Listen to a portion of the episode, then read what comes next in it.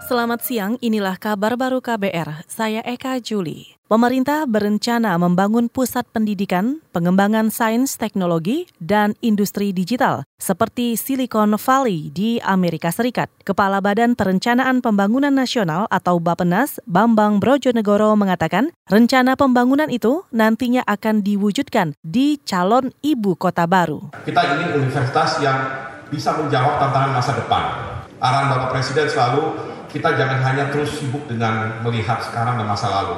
Lihat masa depan, industri 4.0, digital ekonomi, artificial intelligence, kreatif ekonomi. Itu yang nantinya akan di cover oleh universitas baru yang akan ada di situ, dilengkapi dengan Science and Technopark, dan inovasinya nanti melalui high tech and clean industries, selain Research and Development Center. Itu tadi Kepala Bapenas Bambang Brojonegoro. Sebelumnya, Wakil Presiden Yusuf Kala menyatakan pemerintah ingin membangun kawasan pusat industri digital. Pembangunan kawasan khusus itu ditujukan untuk kemajuan industri teknologi dan digital.